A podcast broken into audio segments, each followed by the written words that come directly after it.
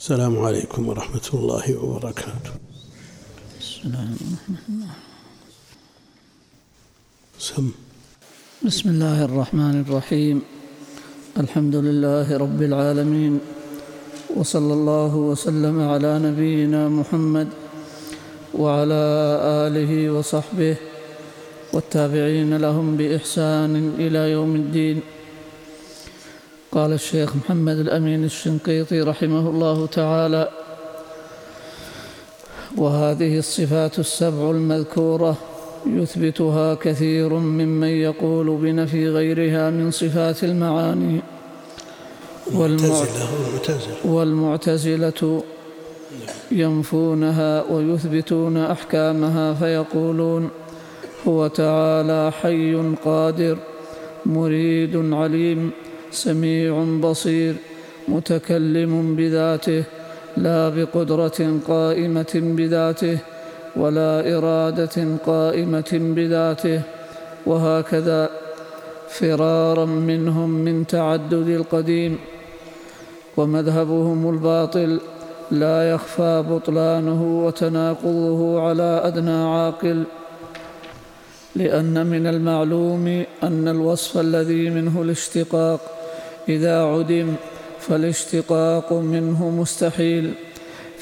فإذا عدم السواد عن جرم مثلا استحال أن تقول هو أسود. إذ لا يمكن أن يكون أسود ولم يقم به سواد. وكذلك إذا لم يقم العلم والقدرة بذات استحال أن تقول هي عالمة قادرة لاستحالة اتصافها بذلك. ولم يقم بها علم ولا قدرة. قال في مراقي السعود وعند فقد الوصف لا يشتق وأعوز المعتزلي الحق. وأما الصفات المعنى الحمد لله رب العالمين وصلى الله وسلم وبارك على عبده ورسوله نبينا محمد وعلى آله وصحبه أجمعين. أما بعد قد تقدم كلام المؤلف على الصفات الثابتة لله جل وعلا في كتابه وعلى لسان نبيه عليه الصلاة والسلام. ومواقف الفرق من هذه الصفات ومن هذه النصوص. فأهل الحق الذين هم أهل السنة والجماعة وسادات الأمة وأئمتها. من الصحابة والتابعين ومن تبعهم بإحسان يثبتون جميع ما أثبته الله لنفسه وما أثبته له رسوله عليه الصلاة والسلام على ما يليق بجلاله وعظمته. على ضوء قوله جل وعلا ليس كمثله شيء وهو السميع البصير وينفون الكيفية والمشابهة للمخلوق وأن صفات الخالق تليق به جل وعلا كما أن المخلوق له صفات قد تكون بنفس اللفظ لكن هي تليق به كما أن صفات الخالق تليق به جل وعلا. ذاك تعرض لذكر من يثبت بعض الصفات كالأشاعرة. وطريقتهم في الإثبات تقسيم الصفات عندهم. وأما المعتزلة فهم ينفون جميع الصفات عن الله جل وعلا. يثبتون الأسماء بطريقة لا تثبت بها هذه الأسماء. يقولون سميع نثبت أنه سميع بلا سمع. بصير بلا بصر. كيف؟ تناقض هذا. والشيخ يقول مذهبهم باطل لا يخفى بطلانه وتناقضه على أدنى عاقل. غني بلا مال. ممكن. إلا إذا أردنا تأويل الغنى بغنى النفس ولا كذا ولا شيء. حملناه على محامل أخرى يمكن حمله عليها. لكن مع اتحاد الجهة وأن المراد بالغنى هو المال والعرض لا نستطيع أن نقول فلان غني وهو ما عنده شيء. نقول عالم وهو ما عنده علم. نأتي إلى أعمى نقول بصير. هذا خلل. كثير من المجانين لا يوافق على هذا. فضلا عن العقلاء. سميع بلا سامع. المعتزلة فرقة نشأت في القرن الأول وإمامهم واصل بن عطاء. فاعتزل الحسن البصري فسموا معتزلة. ومن الغرائب هو المأثور والمعروف والمسلوك في كتب الطبقات أن الفرق والمذاهب كلها تدعي الكملة من الرجال. فتجد البخاري مترجم له في كتب الحنابلة وفي كتب الشافعية وفي كتب المالكية وليس تابع لأي مذهب من هذه المذاهب. كتاب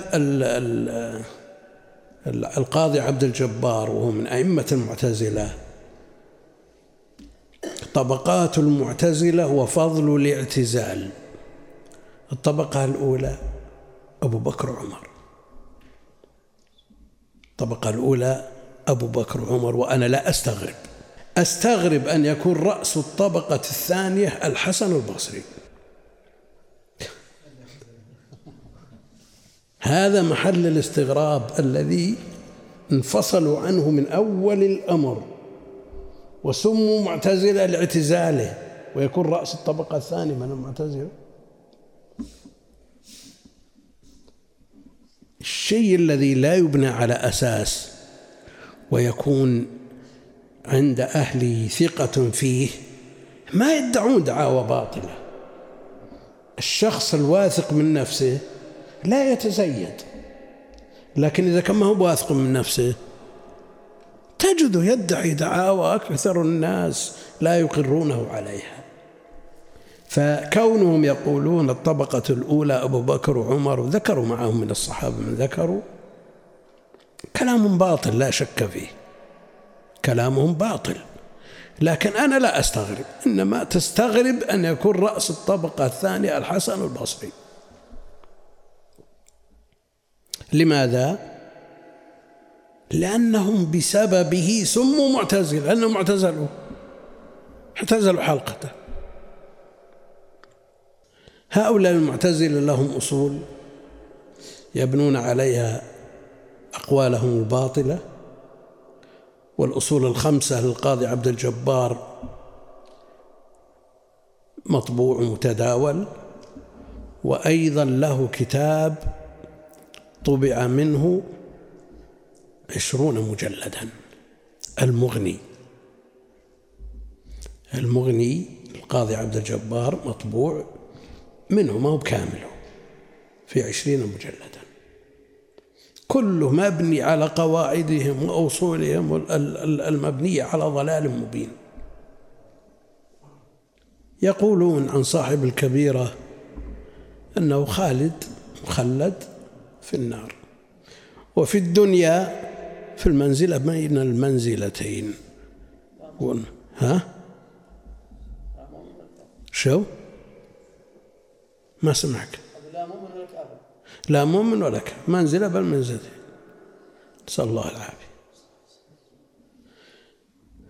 ويخالفون الخوارج في الدنيا وأما في الآخرة يتفقون معه كلهم يخلدونه في النار.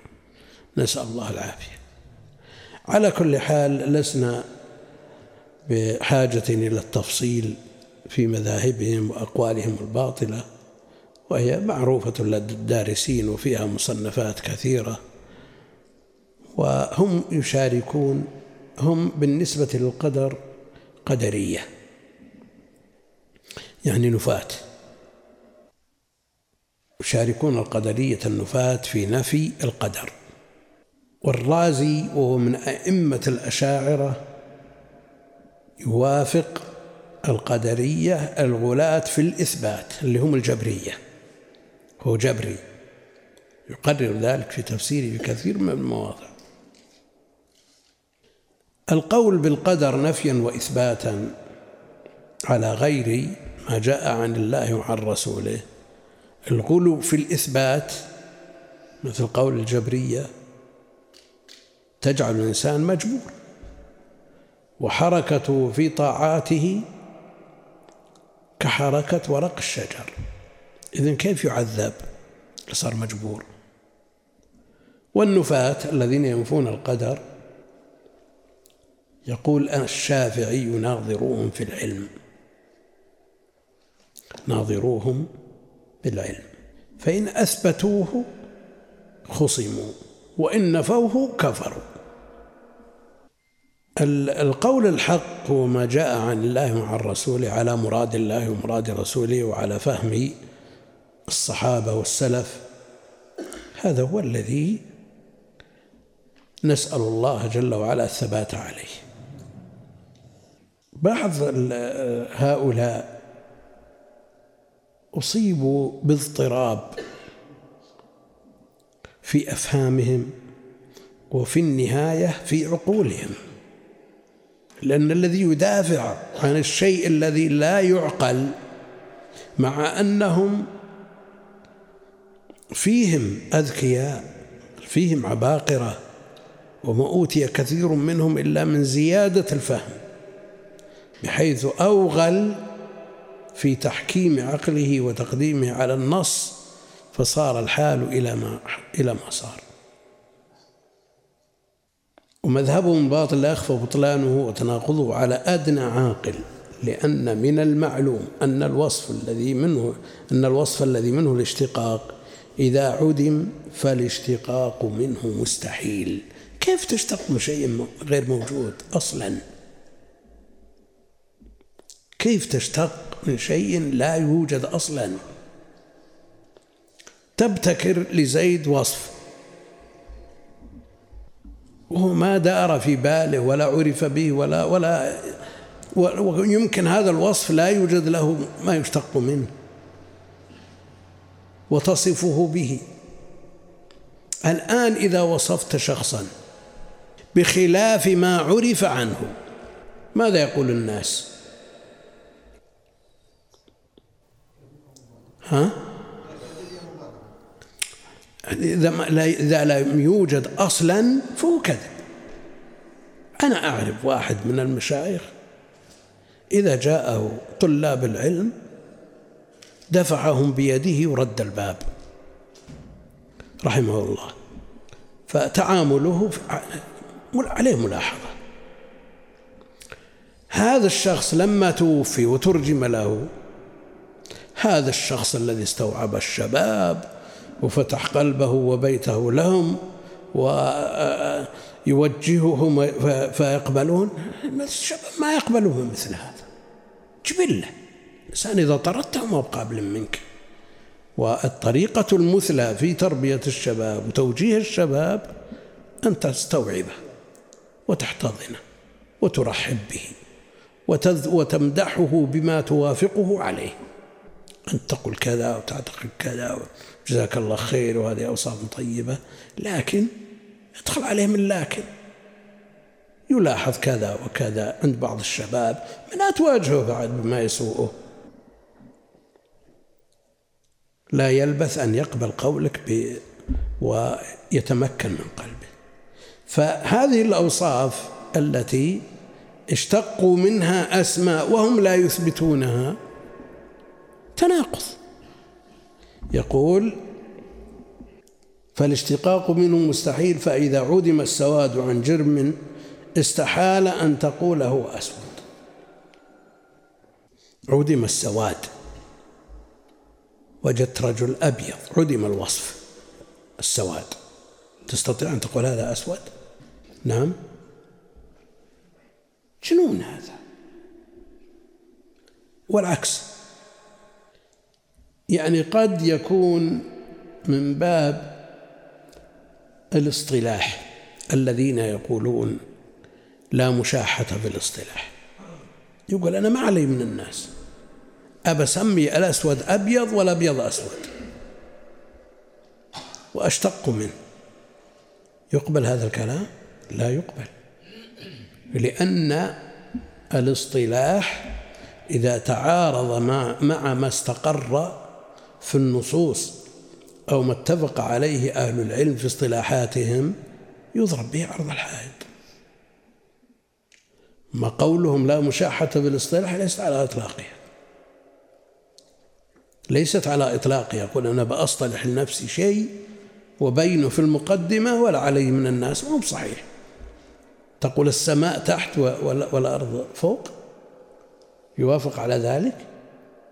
لا يمكن. تقول اليمين شمال والشمال يمين؟ لا تطلع. لا. في الأمور التي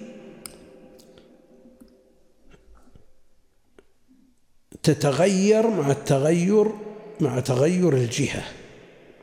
الآن الاصطلاح عند الجغرافيين أن الشمال في جهة معلومة والشرق في جهة معلومة. هذا معروف. ما يتغير ما تغير الجهات. الجهات لا تتغير. أن تستطيع أن تقول مكة شرق عنا أو الهند غرب؟ ما يمكن. تقول أنا مصط... هذا اصطلاحي. لكن الرسم في الخريطة الشمال فوق عند الجغرافيين أليس كذلك؟ وبقية الجهات في أماكنها. ابن حوقل وهو إمام من من الأئمة في الجغرافيا عكس الخريطة. جعل الجنوب فوق. يشاحح ولا ما يشاحح؟ ما غير من الواقع شيء. هي ورقة اجلبه ولا رده. لكن لو قال أنا أصطلح أن الشمال عند الناس هو الجنوب عندي نقول له لا. هؤلاء يشتقون من لا شيء من لا شيء يشتقون أسماء. استحال أن تقول هو أسود إذ لا يمكن أن يكون أسود ولم يقم به سواد. وكذلك إذا لم يقم العلم والقدرة بذات استحال أن تقول هي عالمة قادرة. استحالة اتصافها بذلك لاستحالة.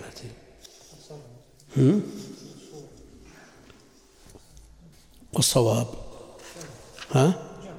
إيه لاستحالة. لاستحالة اتصافها بذلك لأنه قال, قال لا في آخر الصفحة استحالة في أول الصفحة. لاستحالة اتصافها بذلك ولم يقم بها علم ولا قدرة قال في مراق السعود وعند فقد الوصف لا يشتق وأعوز المعتزلي الحق. أعوزهم الحق يعني فقدوا الحق في هذه المسألة التي يشتقون من معدوم اسما موجودا قائم بذاته. وأما؟ وأما الصفات المعنوية عند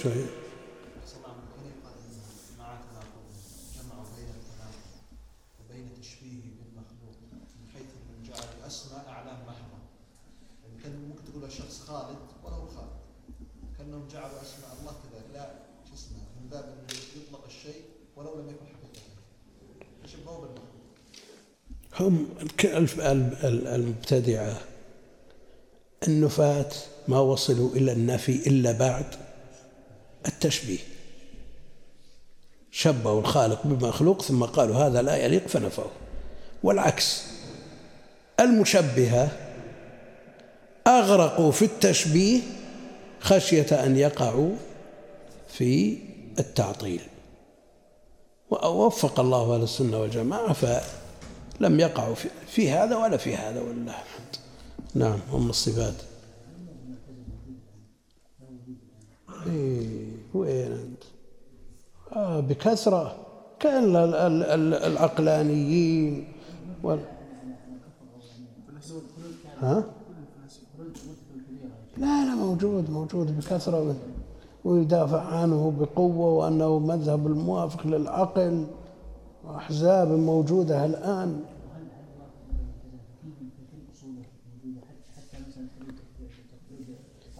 يعني هل هل نسمي من اعتنق أو اعتقد بعض ما في المذهب المعتزلة من ال ال ال الأقوال الباطلة نسميه معتزلي أو في اعتزال؟ إذا لم يكن متزعم المذهب بكامله يكون في اعتزال إلا إذا كان شيء يسير ترك شيئا يسيرا غير مؤثر. ولذلك حينما يوصف طائفة بأنها خوارج وهي لا تعتقد مذهب الخوارج بالكل تقول أو تعمل عمل موافق لمذهب الخوارج. هل يقال خوارج أو فيهم خروج؟ ها؟ فيهم خروج. قد يكون هذا الوصف هو المؤثر في وصف الخوارج ما يخالف لكن إذا كانوا لا يكفرون الناس. كانوا لا يكفرون الناس. وافقوهم في بعض أقوالهم. منذر ابن سعيد البلوطي من أئمة العلماء والفقهاء في الأندلس محسوب على أهل السنة. وإن كان أهل السنة اللي هم الشاعرة. يقول بفناء الجنة والنار يوافق المعتزلة في هذا. هل نقول معتزلي؟ لا. الماوردي الذي يجعل العقل حاكم ويقول المشرع نص مسموع أو عقل مطبوع. يوافق المعتزلة في هذا. فلا يقال هو معتزلي إنما فيه اعتزال في شوب وهكذا.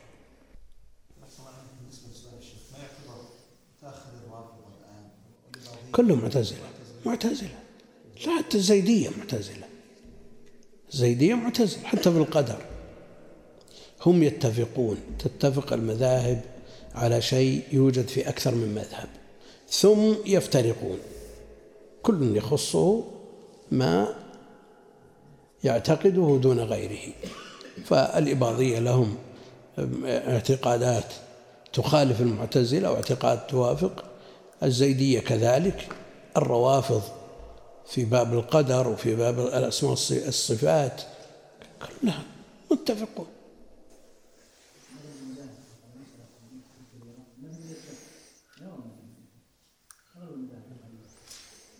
الحالي الحالية ليست بحكم لكن كثير بعض لا لا يعني نصر العقل الانتصار للعقل وجعله حاكم على النص وأن ما لا يوافق العقل من النص فهو لا أصل له عندهم.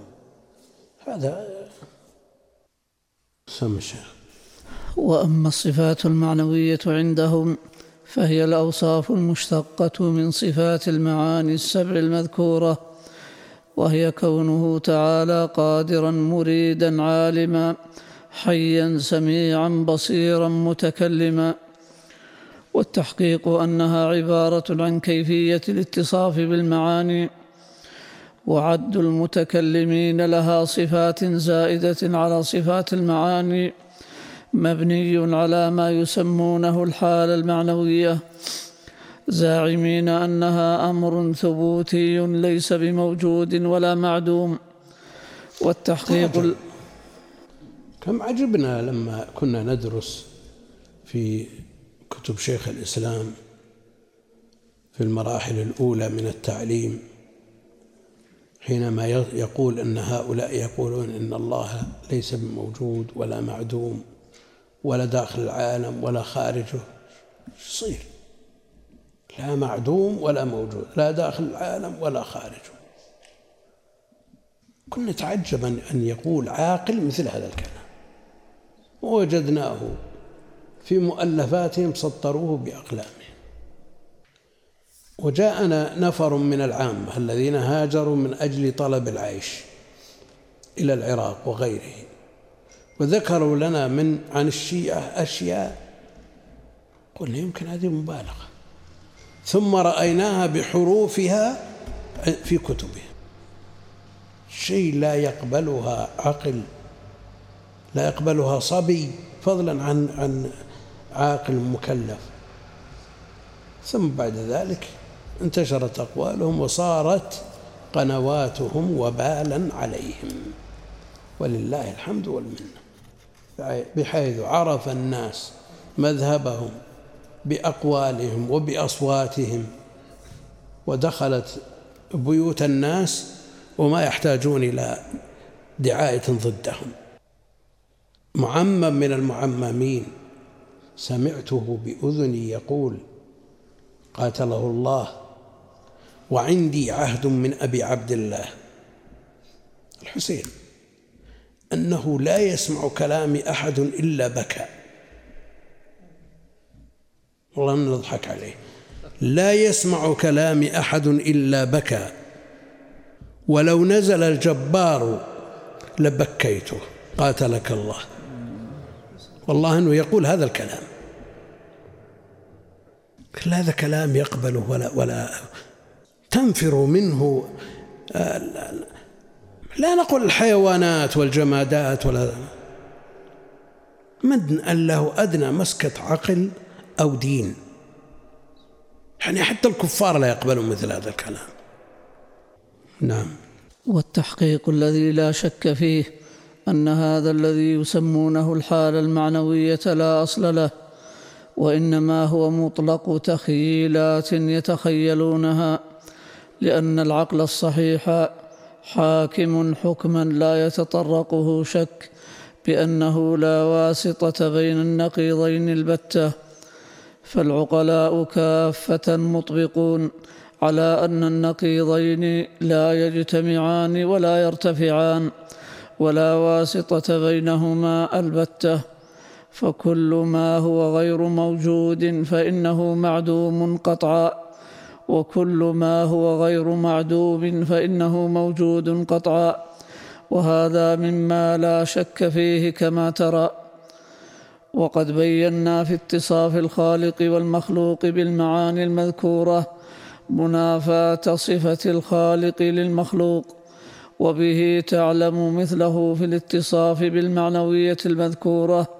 لو فرضنا أنها صفات زائدة على صفات المعاني مع أن التحقيق أنها عبارة عن كيفية الاتصاف بها وأما الصفات السلبية عندهم فهي خمس وهي عندهم القدم والبق القدم والبقاء والوحدانية والمخالفة للخلق والغنى المطلق المعروف عندهم بالقيام بالنفس وضابط الصفة السلبية عندهم هي التي لا تدل بدلالة المطابقة على معنى وجودي أصلا وإنما تدل على سلب ما لا يليق بالله عن الله.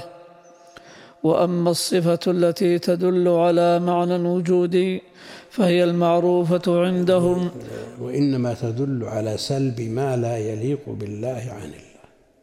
فمثلا القدم تدل على سلب الحدوث والبقاء تدل على سلب الفناء والوحدانية إلى آخر تدل على سلب المشاركة والندية والمخالفة للخلق تدل على سلب المشابهة والغنى المطلق يدل على سلب الفقر والحاجة هذه هي المقصودة أصالة بالكلام أو أن المطلوب أصالة بالكلام دلالة المطابقة لللفظ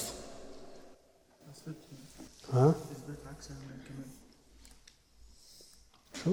إثبات عكسها من الكمال. لا توجد صفة منفية عن الله جل وعلا إلا إذا كان في إثباتها نقص. لكن هذه لا يجعلون هذا هو الأصل.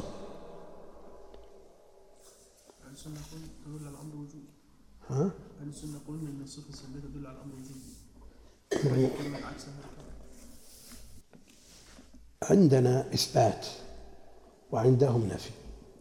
وعندنا الأصل الإثبات تفصيلا والنفي إجمالا. هذا المعروف عند أهل السنة والجماعة. لكنهم العكس. النفي هو التفصيل والإثبات إجمالا. نعم. أما الصفة التي تدل على معنى وجودي فهي المعروفة عندهم بصفة المعنى. فالقدم مثلا عندهم لا معنى له بالمطابقة إلا سلب العدم السابق. فإن قيل القدرة مثلا تدل على سلب العجز والعلم يدل على سلب الجهل والحياة تدل على سلب الموت. فلم لا يسمون هذه المعاني سلبية أيضا؟ فالجواب أن القدرة مثلا تدل بالمطابقة على معنى وجودي قائم بالذات وهو الصفة التي يتأتى بها إيجاد الممكنات وإعدامها على وفق الإرادة وإنما سلبت العجز بواسطة مق... سلبت؟ سلبت العجز. أحسن. وإنما سلبت العجز بواسطة مقدمة عقلية وهي أن العقل يحكم بأن قيام المعنى الوجودي بالذات يلزمه نفي ضده عنها لاستحالة اجتماع الضدين عقلا وهكذا في باقي المعاني. أما القدم عندهم مثلا فإنه لا يدل على شيء زائد على ما دل عليه على ما دل عليه الوجود إلا سلب العدم السابق وهكذا في باقي السلبيات. فإذا عرفت مثل, مثل هذه التقريرات والمعتقدات عندهم هل التكليف بها من الله جل وعلا والأمر بتنزيل ما نزل عنه أو منه على هذا الفهم مناسب لما جاءت به الشريعة من التيسير والتسهيل لأن التكليف بفهم هذا الكلام بمجرد فهمه فضلا عن اعتقاده وتقريره والتنظير له التكليف بمثل هذا الكلام والفهم من أين جاءنا؟ جاءنا من من من كتب المتقدمين اللي هم الفلاسفة وقواعدهم وتنظيراتهم. هم أخذوها وقدموا قرروها قواعد لفهم كلام الله وكلام رسوله عليه الصلاة والسلام. كم يفهم هذا الكلام؟ نسبة من يفهم هذا الكلام من أهل العلم فضلا عن المسلمين. العامة وغيرهم لو قدر أن هذا هو المطلوب كان من نوع التكليف بما لا يطاق. هل العقول تحتمل مثل هذا الكلام؟ ولماذا اكتسب هذه الوعور وهذه الصعوبة؟ لأنه لا قاعدة له صحيح يرجع إليها. لا قاعدة صحيحة يرجع إليها. ولذلك الذين تمسكوا بالوحيين واعتمدوا الوحيين في عملهم في علمهم في فتواهم في تقريرهم للمسائل الأمور سمحة وسهلة. كلام يفهمه العامي قبل طالب العلم. لكن إذا نكبنا جانبا وأخذنا بقواعدهم ولذلك من أين جاءت الوعورة لبعض العلوم حينما دخل هذا العلم علم الكلام اللي يسمونه؟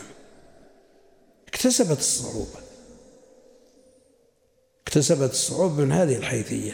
وإلا لو اقتصر المسلمون وعلماؤهم على ما جاء عن الله وعن رسوله على مراد الله ومراد رسوله كأن الأمر سهل. لأن كلام الله واضح بلسان عربي مبين يفهمه كل أحد. صعبت بعض الأمور التي هي وسائل لفهم كلام الله عند بعض العلماء الذين شاركوا في الدخول في هذه العلوم وأقحموها في علوم أخرى. فجاءت الوعورة من هذه الحيثية. وإذا أرادوا أن أن يطوعوا العلوم الشرعية لهذه القواعد دخلت عليها الصعوبة. وإلا فالأصل أن الكلام. سمح سهل كلام الله وكلام رسوله يفهمه الناس كلهم.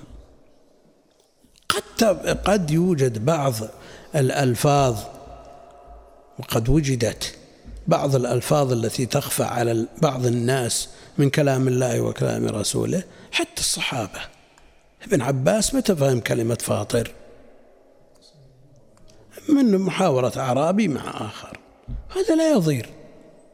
الأصل بلسان عربي مبين وفاطر بلسان من, من كلام العرب وإن لم تعرفه قريش. ووجود مثل هذه الكلمات التي تحتاج إلى سؤال تحتاج إلى معاناة ما هو لصعوبة آه، معناها وفهمها؟ إنما ليرتب الأجر والثواب على هذا التعب الذي تطلبه معنى الآية أو الحديث. نعم. الجواب الذي ذكره الشيخ يصلح كذلك حتى الصفة السلبية اللي أثبتوها هي الغنى. نفس الجواب؟ لا ومنطبق كذلك على الغنى فهذا يعني يلزمهم كذلك على جوابهم هذا. جعل الغنى كذلك من ضمن الصفات. هو الكلام يكتفى ببعضه عن بعض. لأن مسلكهم وقاعدتهم ومنطلقهم واحد سواء في هذه الصفة أو في غيرها. فأنت إذا نقضت كلامهم في هذه الصفة يسري على الباقي لأن المنطلق واحد. نعم. فإذا عرفت ذلك فاعلم أن القدم والبقاء اللذين يصف المتكلمون بهما الله. زاعم الذي اللذين يصف المتكلمون بهما الله بهما الله تعالى. زاعمين أنه وصف بهما نفسه في قوله تعالى هو الأول والآخر. الآية جاء في القرآن الكريم وصف الحادث بهما أيضا. فقال في وصف الحادث بالقدم والقمر قدرناه منازل حتى عاد كالعرجون القديم. وقال قالوا تالله إنك لفي ضلالك القديم. وقال أفرأيتم ما كنتم تعبدون؟ أنتم وآباؤكم الأقدمون. وقال في وصف الحادث بالبقاء وجعلنا ذريته هم الباقين. وقال ما عندكم ينفد وما عند الله باق. وكذلك وصف الله جل وعلا بالقدم. هل ثبت به خبر؟ أعوذ بالله العظيم وسلطانه القديم. ها؟ ها؟ وجه نعم. القديم. يعني هل يقتضي ذلك وصف الله جل وعلا بالقدم؟ لأنه يقرر وأنت تقرأ مثل هذا الكلام على أنه أمر مسلم. الوارد في القرآن هو الأول. ها؟ وش قصدك؟ إن الشباب أحسن من الشيخوخه ها؟ هذا قصدك؟ ها؟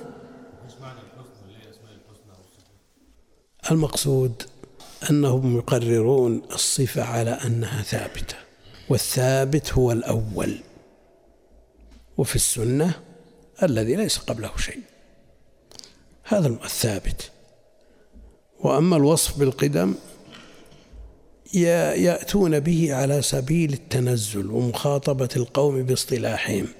ولذلك شيخ الإسلام يضيف إلى القديم الأزلي. الأزلي المتناهي في القدم ومعناه لا قبله لا شيء قبله. نعم. وكذلك وصف الح... وكذلك وصف الحادث بالأولية والآخرية المذكورتين في الآية. قال ألم نهلك الأولين ثم نتبعهم الآخرين؟ ووصف نفسه بأنه واحد. قال وإلهكم إله واحد. وقال في وصف الحادث بذلك يسقى بماء واحد. وقال في وصف نفسه بالغنى والله هو الغني الحميد. وقال موسى إن تكفروا أنتم ومن في الأرض جميعا فإن الله لغني حميد. وقال في وصف الحادث بالغنى قال جل وعلا في سورة الإخلاص قل هو الله أحد. قل هو الله أحد. وجاء وإلهكم إله واحد. ثعلب وهو من أئمة اللغة على مذهب أهل السنة لما أراد أن يعرف الآحاد. العلماء يقولون الآحاد جمع أحد. الآحاد جمع أحد. ثعلب يقول حاشا أن يكون الآحاد جمع أحد. إذ لا جمع للأحد فالله واحد والواحد لا يجمع. فيقال يا ثعلب اليوم يوم الأحد وبعد أسبوع يأتي يوم أحد وبعد أسبوع كم في الشهر من أحد؟ إيش تقول؟ ها؟ أربعة أحد. فالمسألة إذا كان اللفظ من الأمور المشتركة التي تطلق على الخالق كما جاء عنه عز وجل وتطلق على المخلوق ومثله كثير. العزيز قالت امرأة العزيز والله جل وعلا هو العزيز. وغير ذلك فالألفاظ المشتركة لا مانع من إطلاقها على المخلوق. كما تطلق على الخالق وللمخلوق منها ما يختص به ويليق به وللخالق منها ما يليق به ويختص به. وإن أحد من المسوكين نعم. لا قبل أربعين أو أكثر انتشر في الاستوديو مصور. مصور يصور الناس عندما جاءت الحاجة إلى التصوير الأحوال والجوازات والكذا وكذا انتشروا هؤلاء المصورون. فقال المصور فلان باسمه. فقام الإخوان من باب الغيرة قالوا المصور من أسماء الله جل وعلا وهذا اللي يرتكب محرم والأمر خف الآن بعد شوي. ما يكون اسمه اسم الله جل وعلا. واستعانوا ببعض المشايخ فغير. قيل استوديو استوديو فلان بدل المصور وهو من هذا النوع. مما يطلق على الخالق ويطلق على المخلوق. والمصورون أشد عذابا يوم القيامة. مصور. أشد عذابا أشد الناس عذابا يوم القيامة المصور. فجاء في النصوص إطلاقه على المخلوق كما أنه من أسماء الخالق. فمن باب الغيرة أن التصوير شأنه عظيم في السابق وكيف يقال فلان بهذا الاسم الذي هو من أسماء الله. وغيرت اللوحات حقات المصور ذاك. لكن هو من هذا الباب.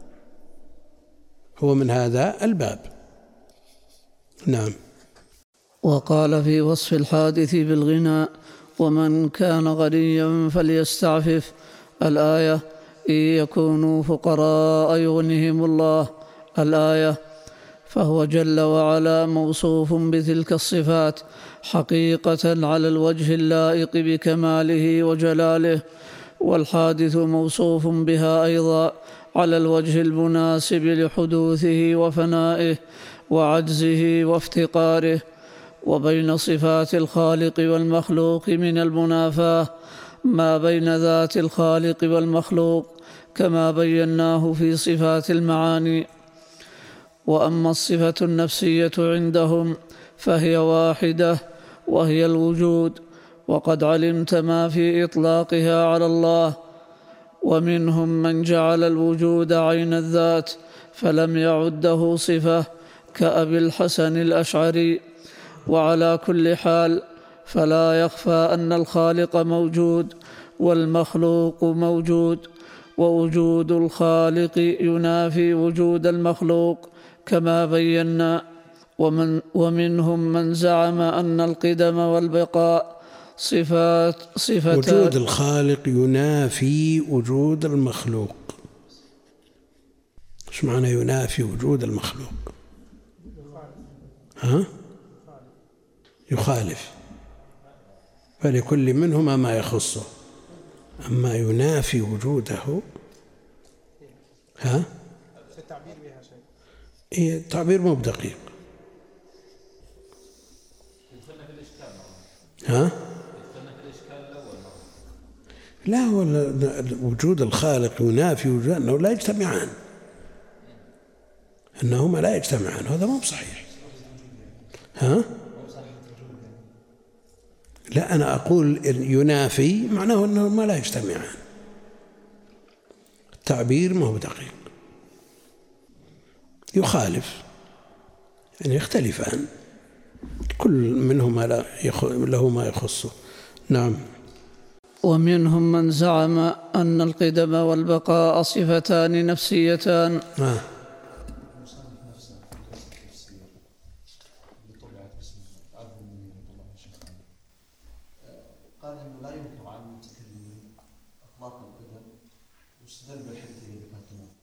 إيه. إيه لا لا ما قال ما قالوا آه، أعوذ بالله القديم هو يقول اطلاق أيضا القدم على سلطان الله هو نفس معنى اطلاق المتكلمين قالوا لذلك من انكر من السلف الصحيح القول الثاني وانتصر لهذا بس في الدروس مو بهذا الله يعفو ويسامح. نعم. ومنهم من زعم أن القدم والبقاء صفتان نفسيتان زاعما أنهما طرفا الوجود الذي هو صفة نفسية في زعمهم. وأما الصفات الفعلية فإن وصف الخالق والمخلوق بها كثير في القرآن.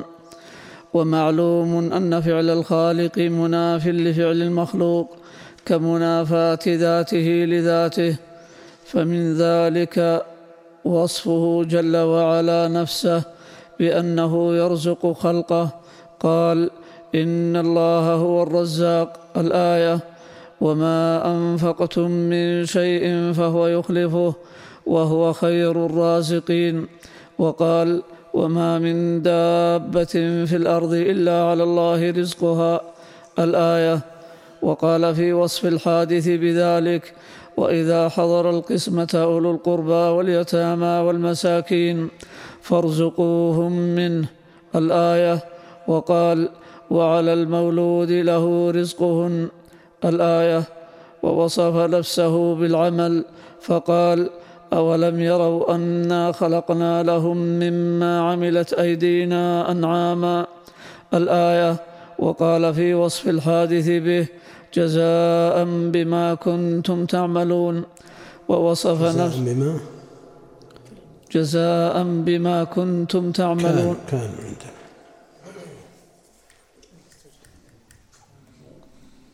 عندنا بما, خط المصحف. بما كان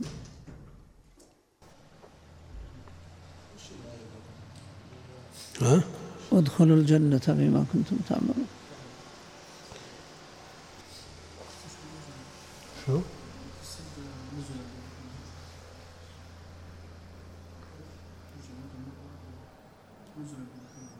نزلا بما كانوا يعملون ادخلوا الجنة قد, بما قد كنتم يوجد في القرآن آيتان بلفظ واحد.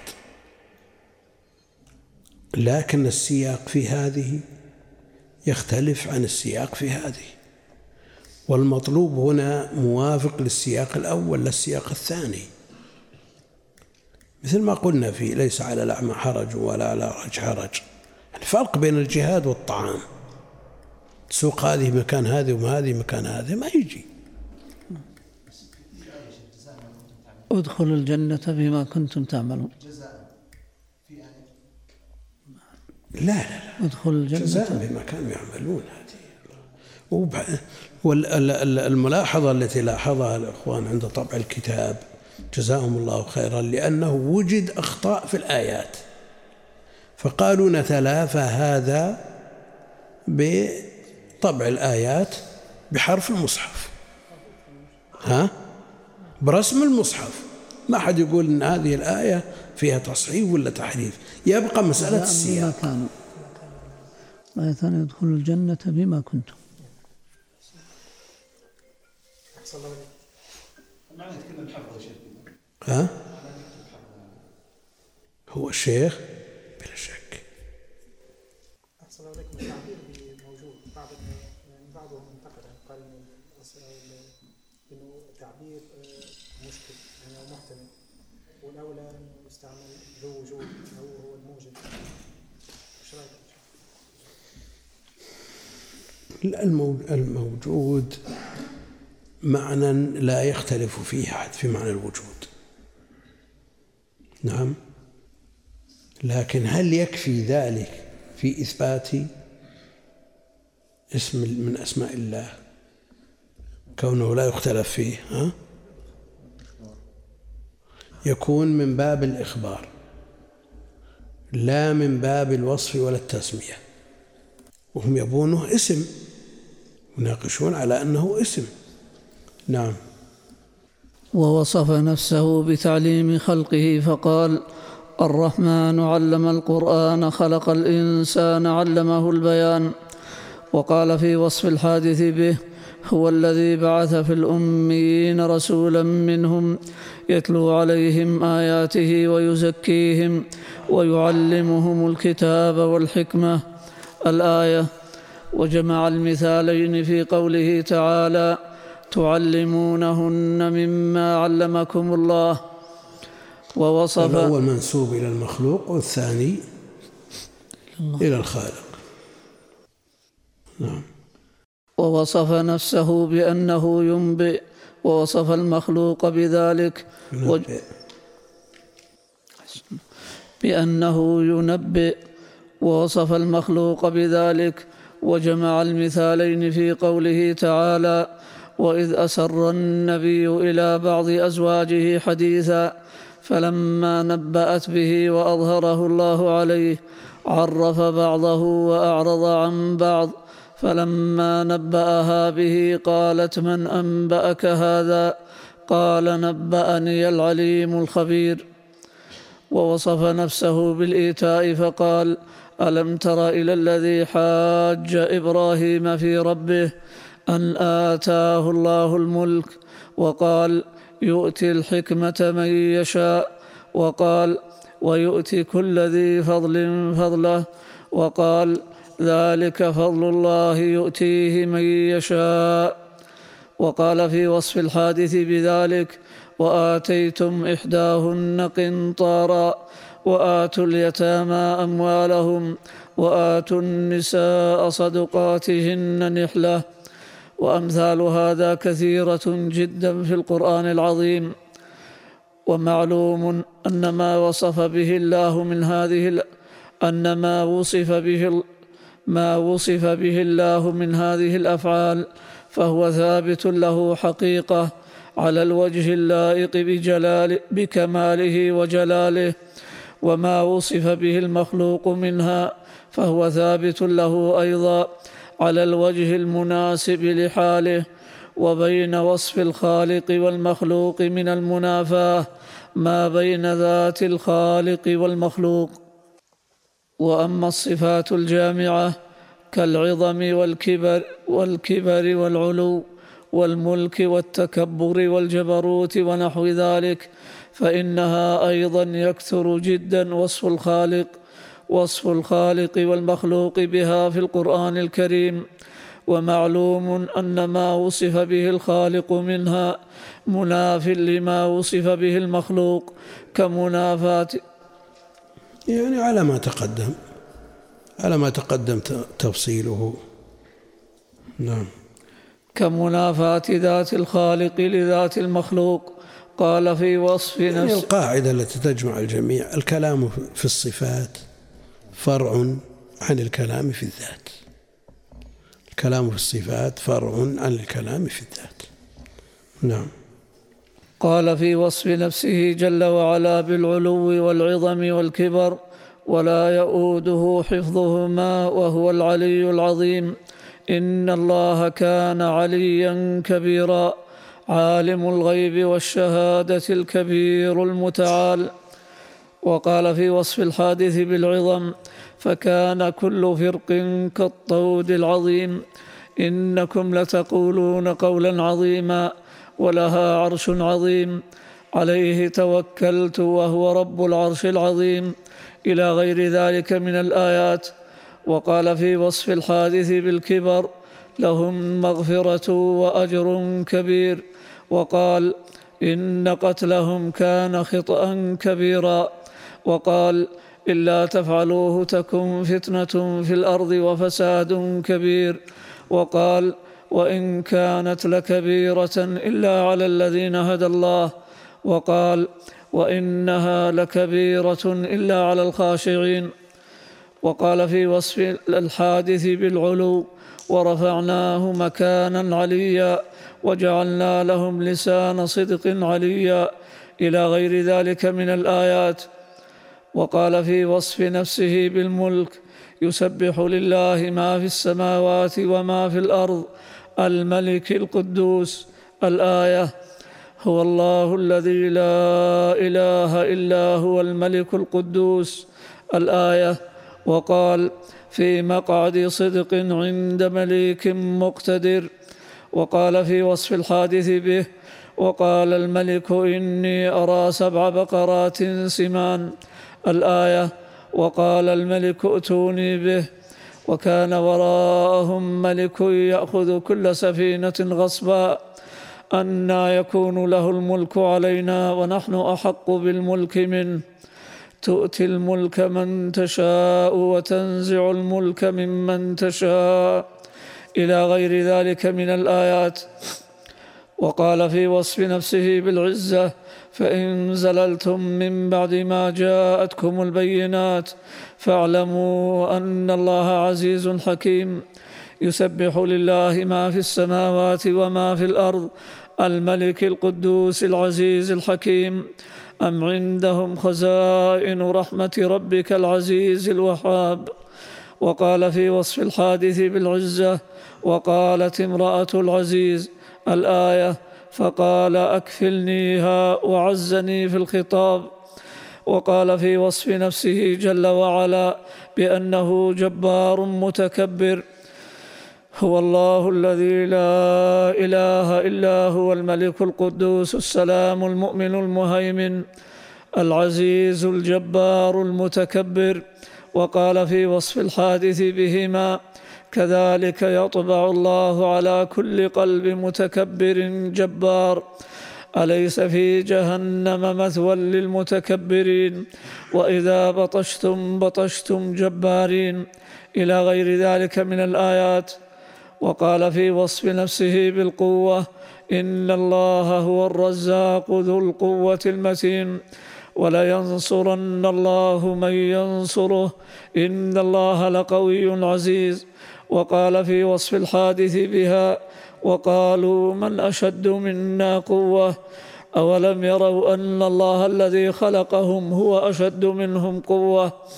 الآية ويزدكم قوة إلى قوتكم الآية إن خير من استأجرت القوي الأمين الله الذي خلقكم من ضعف ثم جعل من بعد ضعف قوة الآية إلى غير ذلك من الآيات. وأمثال هذا من الصفات الجامعة كثيرة في القرآن ومعلوم أنه جل وعلا متصف بهذه الصفات المذكورة حقيقة على الوجه اللائق بكماله وجلاله. وإنما وصف به وإنما وصف به المخلوق منها مخالف لما وصف به الخالق كمخالفه ذات الخالق جل وعلا لذوات الحوادث. وإنما وصف وأن ما نعم. وأن ما وصف به المخلوق. وصف وأن ما وصف به المخلوق منها مخالف لما وصف به الخالق كمخالفة ذات الخالق جل وعلا لذوات الحوادث ولا إشكال في شيء من ذلك.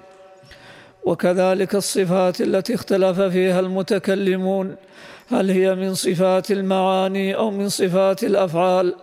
وإن كان الحق الذي لا يخفى على من أنار الله بصيرته أنها صفات معان أثبتها الله جل وعلا لنفسه كالرأفة والرحمة قال في وصف في وصفه جل وعلا بهما إن ربكم لرؤوف رحيم وقال في وصف نبينا صلى الله عليه وسلم بهما لقد جاءكم رسول من أنفسكم عزيز عليه ما عنتم حريص عليكم بالمؤمنين رؤوف رحيم.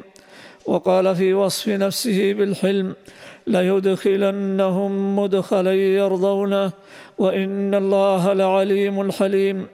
وقال في وصف الحادث به فبشرناه بغلام حليم إن إبراهيم لأواه حليم وقال في وصف نفسه بالمغفرة إن الله غفور رحيم لهم مغفرة وأجر عظيم ونحو ذلك من الآيات. وقال في وصف الحادث بها ولمن صبر وغفر إن ذلك لمن عزم الأمور. قل للذين آمنوا يغفروا للذين لا يرجون أيام الله. الآية قول معروف ومغفرة خير من صدقة يتبعها أذى. ونحو ذلك من الآيات ووصف نفسه جل وعلا بالرضا ووصف الحادث به أيضا فقال رضي الله عنهم ورضوا عنه. ووصف نفسه جل وعلا بالمحبة ووصف الحادث بها فقال فسوف يأتي الله بقوم يحبهم ويحبونه. أذلة على المؤمنين أعزة على الكافرين. يجاهدون في سبيل الله ولا يخافون لومة لائم. قل إن كنتم تحبون الله فاتبعوني يحببكم الله.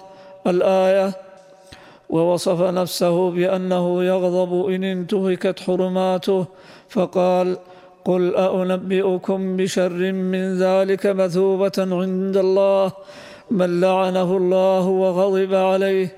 الآية. قل هل أنبئكم؟ قل أنبئكم قل هل؟ الصحيح أنبئكم. ها؟ أنبئكم. أنبئكم. عندنا برسم المصحف. هل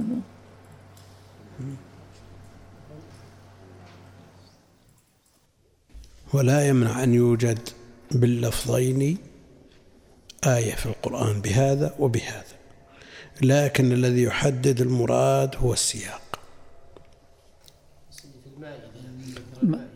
أنبئكم إذا ذكر المائدة تعين أن تكون. من اللي ذكر المائدة؟ بشر من ذلك مثل هي المائدة نعم. ها؟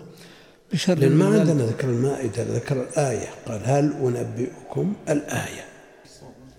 قل أنبئكم بشر من ذلك مثوبة عند الله أكملها عنه من لعنه الله وغضب عليه. هذا اللي عندنا. تتمة الآية من لعنه الله وغضب عليه.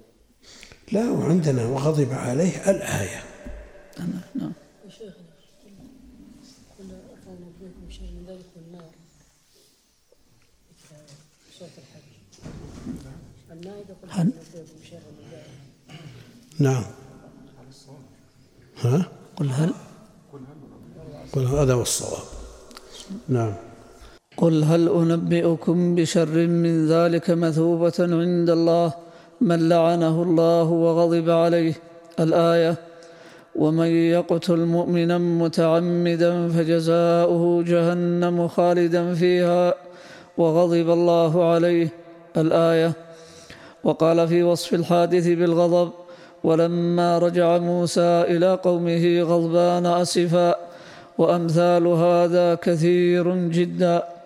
والمقصود عندنا ذكر أمثلة كثيرة من ذلك مع إيضاح أن كل ما اتصف به جل وعلا من تلك الصفات بالغ من غايات الكمال والعلو والشرف ما يقطع علائق جميع أوهام المشابهة المشابهة بين صفاته جل وعلا وبين صفات خلقه سبحانه وتعالى عن ذلك علوا كبيرا. اللهم صل هذه أمثلة موافقة لما تقدم ومما يقرره الشيخ مما جاء في وصف الخالق جل وعلا ووصف المخلوق وأن للخالق من هذا الوصف ما يليق به وأن للمخلوق ما يليق به. والله المستعان.